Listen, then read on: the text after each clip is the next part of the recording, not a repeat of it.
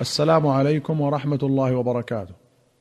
أخرج البخاري ومسلم عن ابن عباس رضي الله عنهما قال لما حضر رسول الله صلى الله عليه وسلم وفي البيت رجال فيهم عمر بن الخطاب قال النبي صلى الله عليه وسلم هلموا أكتب لكم كتابا لن تضلوا بعده. فقال عمر رسول الله صلى الله عليه وسلم قد غلب عليه الوجع وعندكم القرآن حسبكم كتاب الله. فاختلف أهل البيت واختصموا. فمنهم من يقول قربوا يكتب لكم رسول الله صلى الله عليه وسلم. ومنهم من يقول ما قال عمر. فلما اكثروا اللغط والاختلاف قال رسول الله صلى الله عليه وسلم قوموا عني. فذهبوا يردون عليه فقال ذروني دعوني فالذي أنا فيه خير مما تدعونني إليه. فأمرهم وفي رواية فأوصاهم بثلاث. فقال أخرجوا المشركين من جزيرة العرب واجيزوا الوفد بنحو ما كنت أجيزهم؟ قال سليمان ونسيت الثالثة. فكان ابن عباس يقول إن الرزية كل الرزية ما حال بين رسول الله صلى الله عليه وسلم وبين أن يكتب لهم ذلك الكتاب لاختلافهم ولغطهم.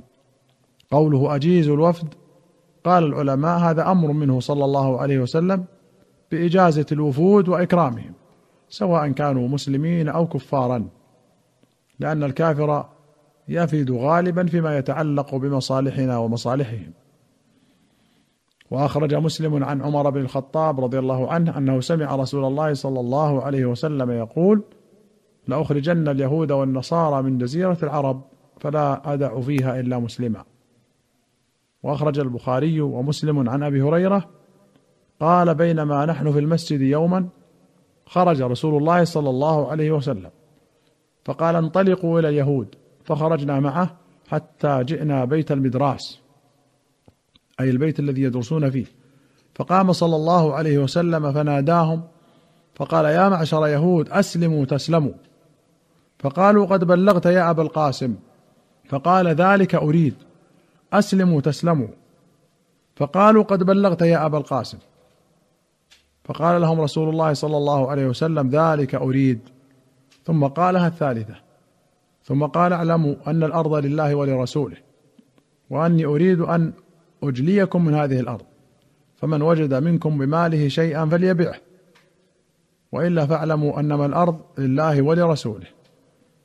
قوله وجد بماله شيئا أي وجد في نفسه تعلقا بماله ومحبة له. وأخرج الشيخان عن ابن عمر رضي الله عنهما قال حاربت النظير وقريضة.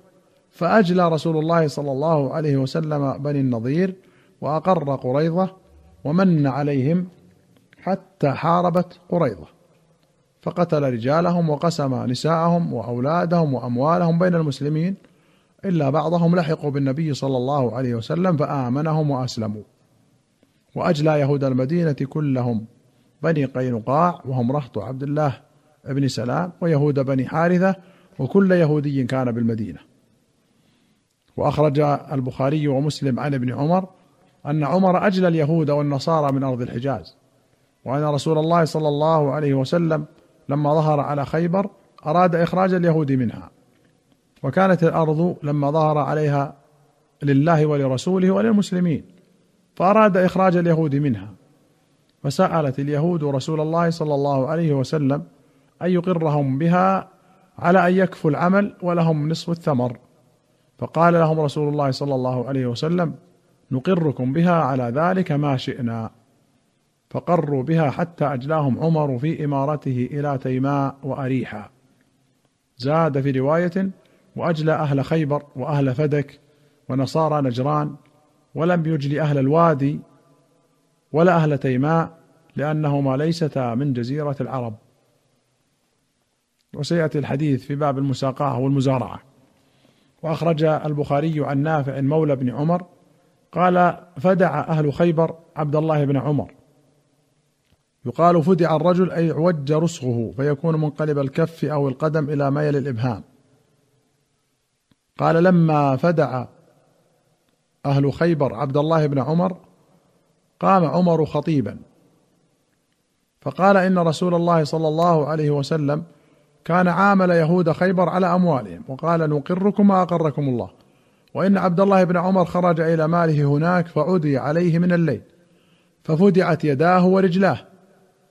وليس لنا هناك عدو غيرهم هم عدونا وتهمتنا وقد رأيت إجلاءهم. فلما أجمع عمر على ذلك أتاه أحد بني أبي الحقيق فقال يا أمير المؤمنين أتخرجنا وقد أقرنا محمد؟ وعاملنا على الأموال وشرط ذلك لنا. فقال عمر أظننت أني نسيت قول رسول الله صلى الله عليه وسلم لك كيف بك إذا أخرجت من خيبر تعدو بك قلوصك ليلة بعد ليلة؟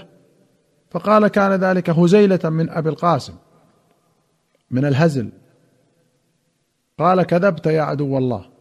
فأجلأهم عمر وأعطاهم قيمة ما كان لهم من الثمر مالا وإبلا وعروضا من أقتاب وحبال وغير ذلك.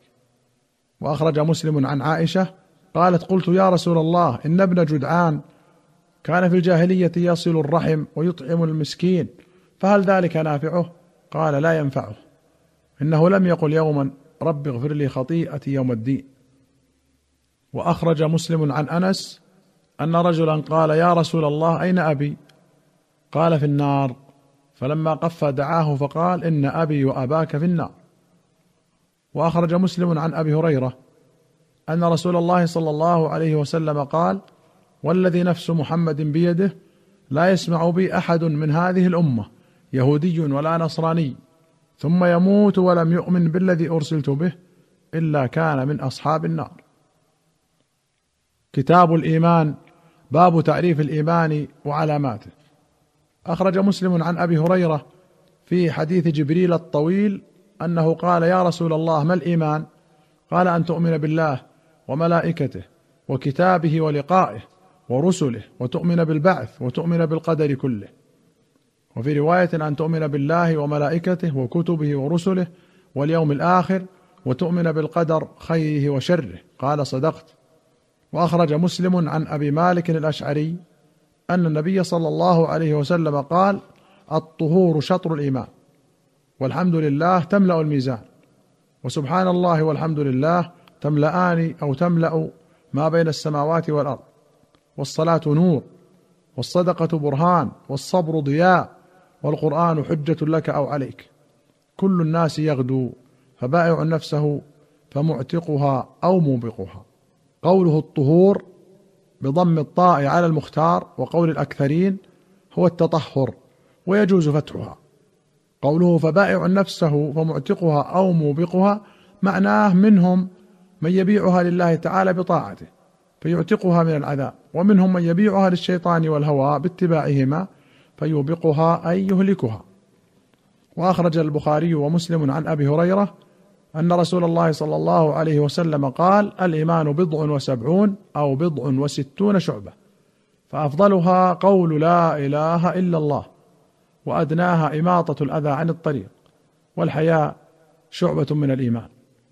وأخرج البخاري ومسلم عن أنس رضي الله عنه قال قال رسول الله صلى الله عليه وسلم ثلاث من كن فيه وجد حلاوة الإيمان وفي رواية وجد طعم الإيمان أن يكون الله ورسوله أحب اليه مما سواهما وأن يحب المرء لا يحبه إلا لله وأن يكره أن يعود في الكفر بعد إذ أنقذه الله منه كما يكره أن يقذف في النار. وفي رواية لا يجد أحد حلاوة الإيمان حتى يحب المرء لا يحبه إلا لله. وحتى أن يقذف في النار أحب إليه من أن يرجع إلى الكفر بعد إذ أنقذه الله. وحتى يكون الله ورسوله أحب إليه مما سواهما. ولمسلم نحوه إلا أنه قال ومن كان أن يلقى في النار أحب إليه من أن يرجع يهوديا أو نصرانيا. قال ابن حجر أن يكون الله ورسوله أحب إليه مما سواهما معناه أن من استكمل الإيمان علم أن حق الله ورسوله آكد عليه من حق أمه وأبيه وزوجه وبنيه والناس أجمعين. لأن الهدى من الضلال والخلاص من النار إنما كان بالله على لسان رسوله ومن علامات محبته نصر دينه بالقول والفعل والتخلق بأخلاقه والله أعلم. أيها المستمعون الكرام إلى هنا نأتي إلى نهاية هذه الحلقة. حتى نلقاكم في الحلقة القادمة إن شاء الله. نستودعكم الله. والسلام عليكم ورحمة الله وبركاته.